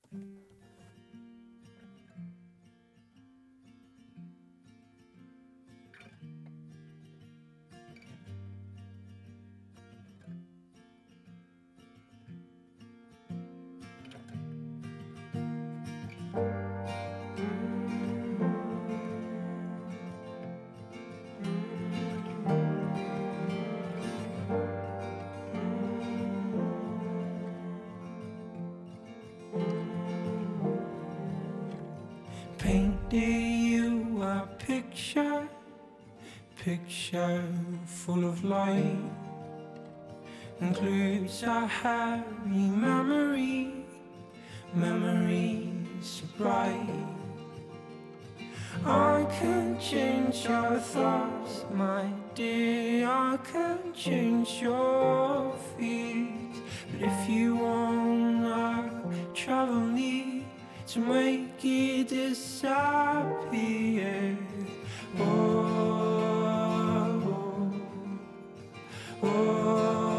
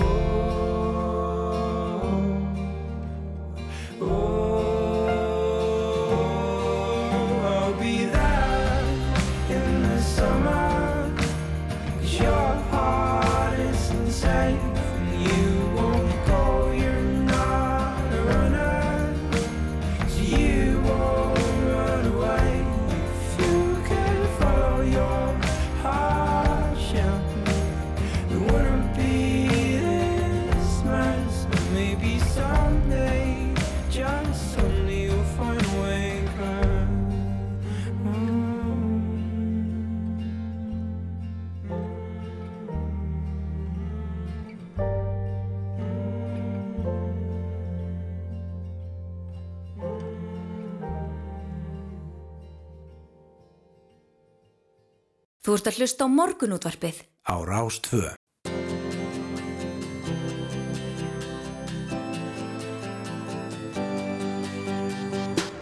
Þú ert að hlusta á morgunútvarpið á Rástvö. Já, þá eh, ætlum við að eh, fara yfir í, í eh, útíðhattir næstu helgi eða hvað fólk getur gert um vestunum hana helgina. Já, svo sannarlega og við erum komið með góðan mann í síman eh, Haldur Kristinn Harðarsson á Akureyri, kom til sæl og blessaður Sælur blessaður eh, Svona fyrst í sambandi við eina með öllu og Akureyri hvað, hvað eru vinir Akureyrar? Hvaða félag er þetta eiginlega? Sem heldur þetta? Vínir Akureyrin er bara já, félagsamtök sem, sem voru stofnum til þess að halda utan um hátíðina og, og sjá til þess að hátíð, þessi hátíð já, sé bara ár hvert og sé, sé geranlegt að halda Vestlumannhelgi á Akureyri það er bara svoleiðis, þannig að þetta eru í rauninni svona hagsmuna aðeinar á svæðinu og svoleiðis og, og áhuga samir sem taka þátt í þessu. Já, það er það er ekkert, það er ekkert djóka að, að, halda eitt stykki verslunum en helgi og, og, og sjá til þess að hún verði, verði, verði góð og geranleg. Já, akkurat. Að þá þarf, þá þarf góða menn og, konur til þess að, að, að, halda utan um svona. Að koma á dekk. Já. Ég sé á fórsíðin eitthvað að þið eru með bollakökurnar frægu þarna á fórsíðu. þetta er náttúrulega, þetta er náttúrulega, það hefur umdeildasta mál í setni tíð, þarna bollakökurnar. Já, erum Ha. að tala um mömmur og muffins. Já, muffins, muffins. Já, það er, það er, það er, það er sér viðburður og hann þarf að, hann þarf að vera haldinn ár hvert því að hérna, ágóðum það rennu til fæðingadeildar sjúkrás Akurur Já. og, og hann þarna, já, hann umsjónaðalega þar ár eh, dutt út en hann það bjargast á síðustu stundu. Já. Þannig að það verður haldið í ár og, og, og hlökkum við mikið til. Einmitt. Mm. Hvar, hvenar, og, þetta er náttúrulega því tjaldið miklu til í þessari dagskrá, þetta er mikil dagskrá hjá okkur og byrja strax á fimmtudeginu. Já, það, það er svona minna um að vera núna á 50 heldur en vanalega. Já. En, en þarna, þá eru til dæmis skötubitar og tíolíin og svona, þau eru bara til að koma sér fyrir og, og, og svo kickstartast hátíðin svona almennlega á fösti. Já, akkurat. Og er það einhvers á formlegu opnun eða svo leiðis? Uh, já, eða samt eiginlega já og nei sko. Nei. Það er bara, formlega opnunin er kannski bara, myndi ég segja kannski ár, væri kannski bara kirkjutröppulöpið fræga sem er á, sem er á föstudeginu. Já, klukkan fjögur. Já. Og það er Og þá, svo- í, þá í rauninni þegar skotið er að byssunni, þá er þetta bara að byrja. Já, í er náttúrulega, þú veist, þetta eru svo margi viðbyrður sem eru vítt og dreift um bæinn, að þú veist, þessi formulega er, það er ekkert, er verið að setja hátíðina kannski beint, Nei. en, en, en þarna, en já, ef við ekki bara segja að það verið kannski formulega opnun í ár. Já, akkurat. En, hva, en þið eru ekki með svona fastan stað eins og dalinn eða eitthvað slíkt? Jú, eða þú veist, það er núna, það er aldrei svona sem við erum, það er þarna samkomuhúsflutin, það er þarna hjá leikhúsinu. Já, þið hafa verið að nota það undanfærin árið eða hvað? Já, þar verður, þar verða tvö tífóli og, og, og þar ætlum við að loka Vestlunmannahelginni í ár á, á reysa sparitónlingum sem, að- sem að klára svo á reysa flugöldasýningu.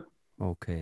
Þannig að það er svona, það er svona draumur um okkur að, að, að það sé svona smá, smá, hvað ég segja, jú, svona svipa á dalurinn, kannski. Svona, svona miðpunkturinn í þessu öllu saman. Miðpunkturinn, akkurat. Já, en svo er þið náttúrulega líka inn á Ráðustorgi eitthvað og, og Já, við höfum, við höfum síðust ár verið með, verið með tónleika þar á fyrstu og lögati, á, á torkinu sjálfu. Um, okkur langaði að breyta til í ár og, og, og stopnum við koncept sem heitir Akureyri er okkar, ekki Akureyri er okkar þó, þó er okkur nú, en Akureyri er okkar er sérst bara svona mini uh, tónlistar, já, röð sem er haldið þá af, af, af vestlunar, nei, veitingarekstrar aðilum í bænum. Þannig að segjum að þú byrjir á, á kaffi list klukkan fjögur og það spila tveir tónlistamenn og þið getið fengið ykkur eitthvað að, að drekka og borða, borða þar Já. og svo færi ykkur kannski nýra á Múlaberg og, og, og þar taka við tveir til þrýr aðri tónlistamenn og svo kolla kolli á fyrstu dag og lögadag. Þannig að akkurýringar fara að heimsækja um, já, veitingastæðina á bænum og hann að sjá hvað þeir hafa að bjóða upp á. dásanlegt. Og búist þið við mörgum í bæinn? Herri, já, þetta hefur nú alltaf verið fjölmenn helgi á okkur. Já. Þannig að, og, og fyrir þetta svo ekki bara allt eftir sólinni. Svolítið. Er það ekki- er það ekki oftast þannig á- á Versló? Og mér sýnist þú nú ekki svona mi- mikið alltaf glæði okkur um Vestlumhelgina en það er aldrei að vita. Það kemur í Nei, það er, það er, það er spáð spá ágætt sveðri, þannig að við, við, hérna, við búist alltaf einhverjum fjölda. Þið búist, já, frábært. En, en ef að fólk er, að, ef fólk er eitthvað efins, þá þarna, það var alltaf stuð á akkurinn Vestló. Það er bara fyrir leys. Þetta sjá alltaf dagskrána inn á einn með öllu punktur í sig hér og, og uh, erum svona kveðið það bara með herra hnetursmjöri, hann verður, verður hjá okkur. Það er ekki rétt. Já, jú, þetta er náttúrulega, þetta er helgjörðu dagskrá, það er, að ég telja smá upp fyrir ykkur. Endilega, hverju verða þarna stórtóningunum? Já, það er stjórnin og það er Páll Óskar og það er Birnir og Klöpt upp. Svo er Ívar Helga og Jónína Björk, þau ætla að stjórna brekkusöng fyrir okkur. Já. Og svo voru það akkureyringarnir uh, Eik Haralds og, Ragga Riggs, þau ætla líka að koma fram hana. Þetta verður briljant. Briljant. Kærar þakkir fyrir spjallið og gangi ykkur vel, eh, eh, Haldur Kristinn Harðarsson á Akureyri. Já, sjáumst bara á Akkum Veslu. Takk fyrir. Það þýðir að þú sért alveg ofbúðslega ríkur, eða hvað? Ekki bara ríkur, heldur einnig valdamikill. Ég er að lafa út úr Væslun, Kópói, Vörinn, sem ég á. Legin á 203, sem ég á, nýbúin að fá útborgað frá fyrirtæki, sem ég á. Þetta er Kó, baby. Kópói! Ég blasta búsið, þeir blasta mig svo þeir minn á mig. Ég kom með homie sem kom með tól, hann er tind áti. Þú taktar heimildin fáranlega há, einn djáni. Ég sest í kæru legend í leiknum, ég byrn bárið. Í nýjum heilgala, nafni feitlitra. Ég svo kópa bæring gaf mig velun fyrir það. Ég er á vassenda, þar sem að ég tók smók. Ætt að bjóð mig fram, herra heldur kók, kók. Lappaði inn, aumingin kom ekki borði. Skoðaðu RSK, allt mitt binnis uppi á borði. Heitt í hamsi stuttu þráður ef þú vilt bíf. Er engin star á þessu landi sem úr stikk frí. Tala um tölur, ég tala töluvert meir. Tala, ta, tala um tölur, ég tala töluvert meir. Hver vilja tala um tölur, ég tala töluvert meir. Passa, pa, passar ekki posi ef þú ert ekki paid. Hver vilja tala um tölur, ég tala töluvert meir. Tala, ta, tala um tölur, ég tala töluvert meir. Hver vilja tala um tölur, ég tala töluvert meir. Passa, pa, passar ekki posi ef þú ert ekki paid. Byrjuði frá einhvern hún er komin svo langt Hún getur ekki með stóra drauma og þráðum alltaf fá Búin að vera að þessu playa, sittu í nokkuð ár Hoppum upp á svið og gefum fólki það sem það vil fá Hver er með þetta? Komdu um með þetta? Peningarnir að koma, rattildur í tæljara Blái rauði sælar, miljón til þess að spendi hvað Kaupa með dýru flíku sem munu ekki endast að Ég er á þau lífstilum, mín út að borða pappa flösku Sitta í fínu bílum, poppstjórnir lýsum að ég valdi Lokandi dýrum tílum, hafði aldrei hugsað með til líf Og átni skínum, skínum, þangað til viljum ekki meir Tala um tölur, ég tala töluvert meir Tala, ta, tala um tölur, ég tala töluvert meir Hver vilja tala um tölur, ég tala töluvert meir Passa, pa, Passar ekki posi ef þú ert ekki vilja tala um tölur, ég tala töluvert meir Tala, ta, tala um tölur, ég tala töluvert meir Hver vilja tala um tölur, ég tala töluvert meir Passa, pa, Passar ekki posi ef þú ert ekki paid Herra Netusmjör og, og Flóni. Tölvöld meir heitir þetta lag og Herra Netusmjör verður hlutað dagskráni og er einni með öllum á Akureyri Nákvæmlega, og það verður skemmtilegt. En þá er það íþróttir helgarinnar. Sif sé líka á Já, já, Hann er menn líka- fara víða nefnilega sko. Við eigum eftir að taka þjóðhátti síðar í vikunni Já, sko. já. Þetta segir, það verður ekki, því verður ekki slepp En, en verður velkomin. Vestmanneingurinn Þetta var svona smá innskot. Já, ég meina, þú bara það, þú, það, En ég meina, færð þú nokkuð að fara þjóðhátti Áttu þú ekki vera hér að stjórna öllum útsendingum í sambandi við EM Jú, það er aldrei þannig, en ég er reynda búin að koma úrslitunum yfir á helgumarketið, þannig að ég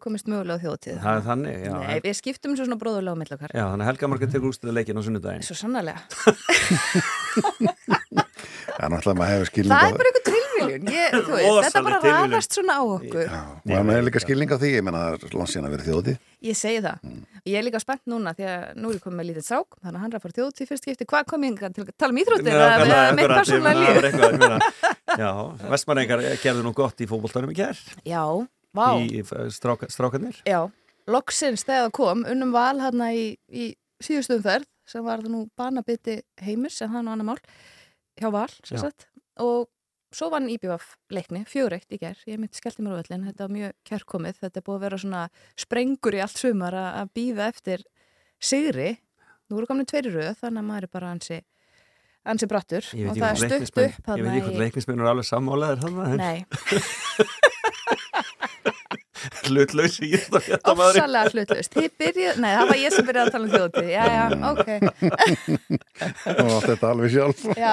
Þetta alveg sjálf. Ég En það, ég er væri hræstni að koma inn á og láta eins og En þetta er að vera rosalega spennandi mót þetta hjá köllunum í, hérna, í bestu teildinni því að nú eru, nú eru blikarnir líka búin að tapa aðeins stigum. Nefnilega, maður einhvern veginn uh, var Það- næstuði fann að horfa fram á það að þeir myndu bara vinna allt saman. Já, en það er svona, það hryktir aðeins í þessu. Þeir mættu FH í gær og, og náðu jafntefli, má ég eiginlega segja því þeir voru manni færri frá sko nýjundu myndu akkurat það voru þrýleikir hann í gær, jú, IBF vann leikni 4-1, K.A. vann Keflavík 3-1 og, og svo gerðu FH og breyðablík 0-0 jafntefli í, Mhm. í hafnafjörnum tvei leikir svo í dag.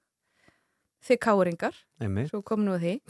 K.A. Valur sem að einhver tíman hefði nú verið toppslagur En það er allt í róli heitunum kakvast þessu, það er eins og engi sé að tala um þennan leik en, en aldrei Nei. þessu vant en, en, en það verður samt hörku leikur því að.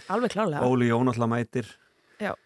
Með valsmenn brjálað á Kárvöllin Já. og Káringar hafa ekki verið að, að, að, að vinna neitt í eh, hérna, hérna á Kárvöllinu þannig að þetta verður, þetta verður, ekkur, þetta verður svakalega bara átta Já, Valur er í, í fymta sæti og Káur er í sjönda sæti. Og ekki, ekki síður mikilvæg leikur fram og í eða eitthvað Akkurat, það er sem ég ætla að fara í næst. Þessi botbarátta er, er mjög spennandi og mjög stutt þarna á milli. Já. uh, Káur er hann í sjönda sæti með 17 stig, svo kemur fram með 14 mætir Ía í kvöld sem er á botninum núna með 8 stig, FH og IBF bæði með 11 stig og svo er leiknir hann í 11. sæti með 10 stig Akkurat Þetta er er nú samt ennþá með sko 7 stiga fórskot Já, en vikingur á, Víkingana. vikingur á leik til góða eða ekki Jú. þannig að ef að það hefst þá er þetta orðið fjösti þannig að þetta er, þetta er hörku, hörku, hörku barata Já, og Káa í, í þriða sæti með 27 stig stíi minna en vikingur Hvað ætli þetta hafi samt áhrif á, og það var svo spenning eins og núna, svo kemur bara nýtt mót í óttúber, þar sem Já. að sex eftir spila um, um alveg saman hvað þeir lenda í, í því, nema bara hvernig þeir mæta hverjum, Akkurat. hverjum þeir mæta. Það verður mjög áhugavert að sjá hvernig það hefnast, svona, Já, svona tvö mót í spennt að sjá lokin. það sko. Já, erum við ekki bara spennt fyrir því? En menn taka stíðin, liðin taka Já. stíðin með sér Þeir taka stíðin með sér. Já, já, en það eru 15 stíð í búði þannig að það verður svakalegt þetta verður svakaleg barata Mhm. Og hraðmót í lokin í óttúber í kvöldunum. Nákvæmlega Heyrðu, en, en, en EM Já. byrjar aftur á morgun eða hvað? Já, Með- ég er náttúrulega búin að vera þetta inn í bara först inn í þessum EM heimi. Já, þetta er bara frábært mót Mjög skemmtilegt mót og mjög spennandi undanúsitt framöndan á, á morgun og hinn. Já. Það er hérna, Það verður nú gáðan að fá svolítið markaleiki á einhverjum tímapunkti kannski núna í þetta aftur já, en maður finnur um leið og sko útsláttakefnin byrjar, þá eru liðin svona einhvern veginn varfærnari, þú Já. veist að vill engin klúðra, þannig að Mhm. við, hérna, tveir leikir í áttilega úrslitunum fóru í, í framlengingu, en enga síður svona skiluðu liðin sér áfram sem að við Ég bjöggumst við eiginlega svona fyrirfram myndu gera það. Það er. England Svíþjóð á morgun og svo er Frakland Þískaland á meðugudaginn. En Engin er smá leikir. Sko. Er eitthvað rætt um þetta hennan svakalega mun á liðunum í tíma sem þið fá til þess að jafna eftir betur. leik? Það er náttúrulega aldrei ósakjant að ég meina sko... þetta er alveg fáránlegt Já, tvö liðan að fá þarna eiginlega auka tvo daga og næstu því eins og það sé verið að gefa englendingunum þetta Já, frakkarnir hérna, þjóðverjarnir njóta góðs af þessu líka. Já. Þeir fengu uh, tveimur dögu meira í kvíld heldur en frakkarnir sem þeir mæta og svo fóru frakkarnir í framlíkingu þannig að það er alltaf annað að koma út úr 120 mínútna leik og, og taka svo tvo daga af í Já. en þú veist, svona er þetta bara og það þýðir ekkert að vera velta sér úr því En svíjarnir eru síndveið en ekki gefin fyrir englendinga. Já, sko, svíjarnir hafa samt verið svona, þeir, þeir eru með rosalega stertlið en hafa samt ekki verið jafn sannfærandi og við bjöggumst við Nei, akkurat. og þær skoruðu þarna sko í uppbútartíma núna í undanúslitunum uh, á móti belgum, Mhm. leikurinn sem við hefðum mótt að spila eins og við hérna sögðum ítrekkað Eh, og það kom daldið á óvart sko líka daldið svekkjandi að maður hugsa alltaf og við hefðum, hefðum átt þarna." Nákvæmlega í hvort við hefum átt Já. ekki spurning sko. En þú veist, það opnar mótið svo mikið að sjá að þessi lið, þú veist, eins og frakkar sem eru með svona brjálæðslega stertlið, þeir eru heldur ekki ósigrandi. Þeir hafa líka sínt veikleika, þannig að það er, það er svona, það er ekkert gefið í þessu. Gerur þetta svo skemmtilegt. Ég mun við sem margir hafa svolítið hort á hollendingana í þessum leik og velt fyrir sér hvert hvað möguleg við ættum gegn þeim. Þær Já. áttu alltaf færi í leiknum múti Fraklandi. Nei. Þær voru vörðust okkurlega en þær áttu alltaf færi. Og svona kannski meiri tökkur í þeim en maður sko kannski bjóst við miða við hvað frakkarnir eiga að vera sterkir. Já. En svo hefur alltaf fyllt þeim eitthvað svona að ganga ekki vel úr stórmótum þó þær séu með stertlið. Mhm. Það eru fjóruða skipti sem þær fóru í áttalega úrslitin á EM og hafa aldrei komist lengra og hafa sko dottið út í áttalega úrslitum á síðustu fimm stórmótum. Já. HM, EM og olimpíuleikum.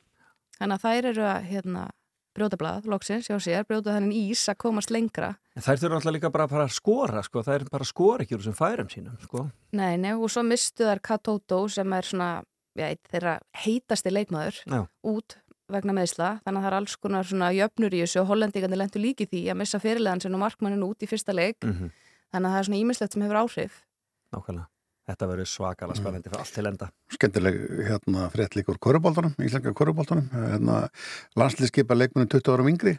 Förum, í- förum í það að hérna, þeir voru með tvo fulltrú í úrvarsliði bjettildar Evermótsin sem lög í Georgíu í Já. og það er ekkert annað lið sem er með tvo fulltrúra sem á fulltrúra hann í Svo eignuðustu líka Európumistara í golfi, 16 ára og yngri Já, Perla Já. Sól Sigurbrandsdóttir vann uh, á móti sem var haldið í Finnlandi fyrsta skipti sem Íslandingur vinnur þetta mót Skemmtilegt. Já, við- Framtíða manneskja þarna. Algjörlega Svo var HM í frjálsýþróttum að að klárast í nótt Akkurat og það voru stóra fréttir í nótt. Það var stóri fréttir, tvö heimsmet á þessum loka degi. Já. Uh, Armand Duplantis bætti eigið heimsmet í, í stangastökkið þegar hann fór yfir 6,21 og nýgeríska hlaupokonan Tóbi Amusan bætti nýtt heimsmet í, eða setti nýtt heimsmet í 100 metra grindahlaupi þegar hún hljópa á 12,12 í, í sko reyndar undanúslitunum. Svo hljópun hraðar í úslitunum en það var of mikill meðvindur til að það hérna, smæltist. Já. Já, en glæsilegt. En, það, en uh, það, þetta var stór mál hjá þessum svíja því hann hafði aldrei unnið heimsmyndslættiðilin Nei. utan hús eða hvað. Nei, þetta var fyrsta skipti sem, að, og hann, sem var aldrei skrítið því að hann er svona algjör, algjör sleggja í þessu, hann átti þetta eftir. Yfirburða maður. Já, tókst í nótt. Magna. Kannski einhverju sem hafa fylgst með hérna, Sigurbinni Átna sem hefur verið hérna mikið á nóttunni. Öskra sig hása. Öskra sig hásan hérna á nóttunni. Þetta er aldrei fyndið að fara heim á kvöldin, sko, mann líður einhvern veginn eins og dagunum sér búin, en þá er Sigurbinni Átna eftir að koma í hús. Já. Lýsa alla nóttina og svo kemur maður á mótnana og sér hvað gekk á hjá honum. Því líka snillingur og við, mitt náðum hann hér í morgun út Já. var ekki bara fimmtudaginn. Já, fimmtudaginn eitthvað svo hann var bara, hann var bara hann. að koma röttin í gang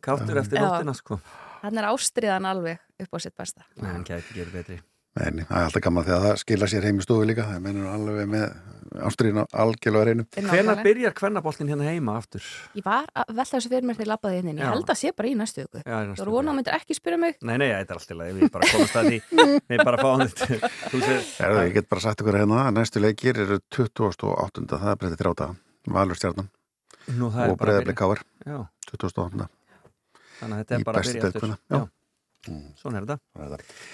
Já. 28. Þannig að þetta Í bara að bestu byrja deild aftur kvenna. Já, svona þetta Já, já, Edda Sif Pálsdóttir, takk fyrir að kíkja við hjá okkur svona í morgunsárið Takk Og farðu vallega á þjóðatíð Ég geri það sjálfsög.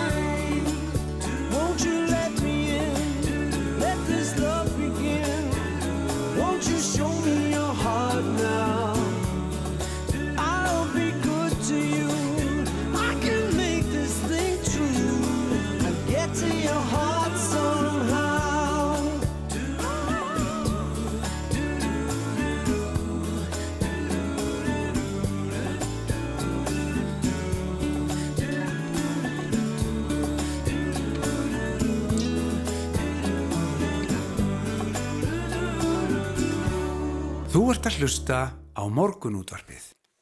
Áframöldu við hérna, eða þó, eh, við erum að koma að leiðalokum hérna við eh, Felix, Rúnar Róbinson og Felix Bergson með til klukka nýju og búin að vera með í morgun og aftur í fyrramáli. Já. Ég sé þetta í fréttum frá Los Angeles að en, en skotarinn hefði orðið í nótt og uh, þetta það var einhverju bílasýningu þar sem að tveir eru látnir og ámstukusti fimm slasaðir eftir uh, byssu árás og uh, þetta er orðið svolítið, svolítið hérna magnað að, að, að, að umræðin í bandarækjunum er þannig að ef einhver spyr hérna ástu búin að heyra um skotarinn þá, þá spyr fólk hvaða Já, hverja þeirra Nákvæmlega. Af því að þeir eru svo margar, sko. Nákvæmlega. Þetta er magnað. Já, þetta er, já, ég veit ekki hvað, þetta er bara ræðilegt. Já. Um, en framkvæmstöð, Európa-samtins hefur veikt samþygt, eh, samþygt að bóluefni gegn bólusótt verði notað gegn ababólu og leifið gildir í öllum aðaldaríkjum ESB, auki Íslands, Noregs og Líktenstein og það mun byrja, menn, menn munum byrja, byrja að bólusetja hér á Íslandi bara Mm. núna í vikunni, einhverja ákvæðna hópa. Já. En nú hafa 16.000 smitt ababólu verið staðfest í 72 löndum. Þetta er, það verður, Það er alltaf eitthvað. Það er alltaf eitthvað Það er alltaf eitthvað, þannig er það nú. En eh, já, það komið að leiðalagum síðasta lagið fyrir nýju frettir og morgunverkin. Eh, Angos og Julia Stone og lag sem heitir að Heartbreak, við heyrjum stættir í fyrramáli bara 6.50 Nákvæmlega. Takk í dag. Við, við verum hér